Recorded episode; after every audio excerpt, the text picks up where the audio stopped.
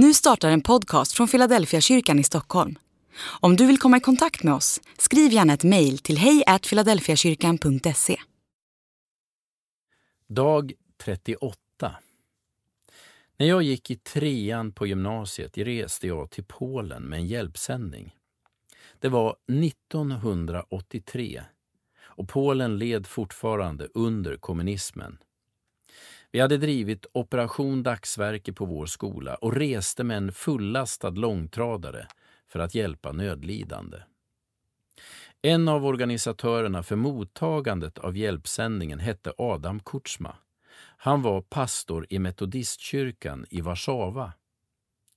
Han berättade om sin ungdom och hur han som 17-åring hade blivit tvångsrekryterad av Röda armén. Han hade blivit förd bort ända till Sibirien och där tränades de under förskräckliga omständigheter. När andra världskriget led mot sitt slut öppnade ryssarna en front mot Japan längst i öst och Adam och hans förband fördes fram till fronten. Han berättade hur han sent en natt hade fått i uppdrag att dra en telefonkabel tvärs över ett minfält. De var tre stycken som gav sig ut.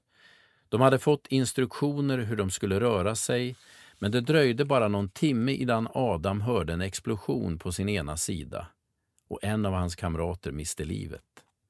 En halvtimme senare exploderade det vid hans andra sida och han var ensam kvar. Vi frågade hur det kom sig att han hade överlevt den där natten på minfältet. Han svarade att det berodde på att han inte för en sekund hade släppt blicken från de riktmärken han hade fått. Hans kamrater hade blivit rädda och börjat titta ner på marken för att undvika minorna. Och det var just därför de hade dött. Adam däremot hade inte tittat ner en enda gång oavsett hur skräckslagen han var.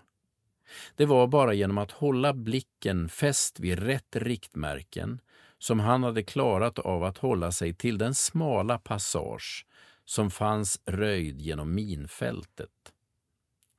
Jesus säger att vi ska se på honom. Han, är, han har nämligen röjt en väg som vi kan gå. Den här världen är minerad av faror överallt som hotar att slita sönder våra liv. Men för den som håller blicken fäst på Jesus så finns det en framkomlig väg som leder fram. Andlig övning. Hur gör du för att se på Jesus? Lyssnar du på viss musik? Går du i kyrkan eller läser du din bibel? Vid vilka tillfällen i veckan ser du honom mest klart?